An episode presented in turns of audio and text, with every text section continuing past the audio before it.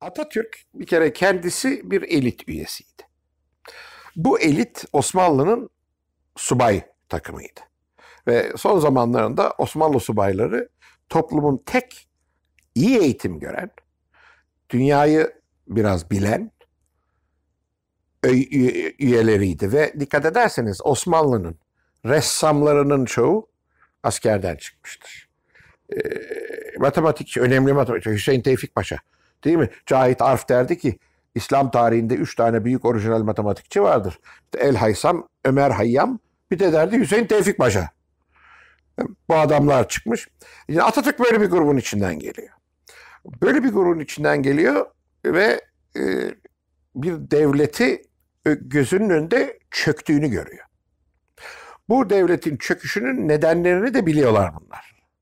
Cehalet, dünyayla entegre olamamak, hala orta çağda yaşamak. Bunu kaldıracağız diyor. E bunu kaldırabilmek için ne yapması lazım? Yanında bir grup adam olması lazım. Çok az. Çok çok az. Yani elit tabaka çok çok az.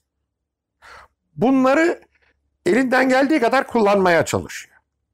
Mesela Fuat Köprülü'den bahsediyorduk. E, Fuat Köprülü nihayet İstanbul Üniversitesi'nde bir profesör. Ama Köprülü ailesinden geliyor. Son derece görgülü bir adam. Bir de dünya çapında bir adam. Atatürk Fuat Bey'e diyor ki sen mebus ol. Fuat Bey dedi ki ne alaka ne dava niye mebus olayım? Atatürk diyor ki Fuat sana ihtiyaç olacak diyor. E tabi Atatürk bir şey istediği zaman hayır demiyorsun. Peki diyor.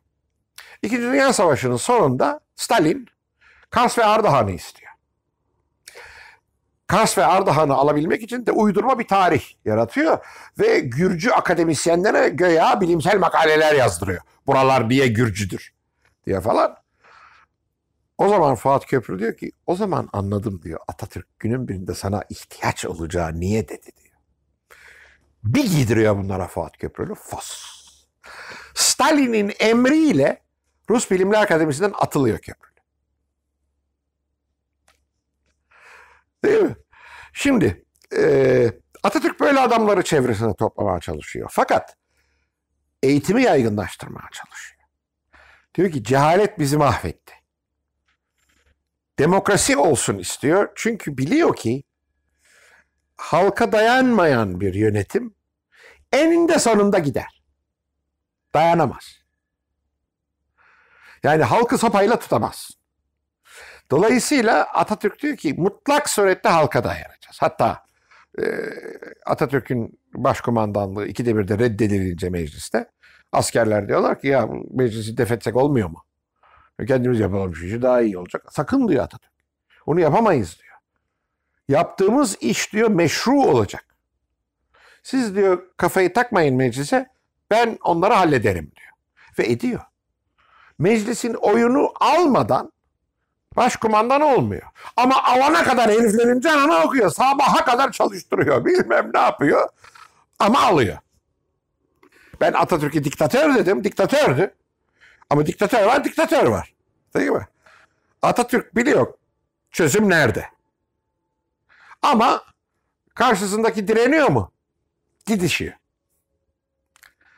Ta ki o direnci kırana kadar. Yani bu heriflerin hepsini asalım demiyor. Onlarla tartışıyor. En sonunda onlardan Aa, öyle mi peki diyorlar. Onu dedirtiyor ama.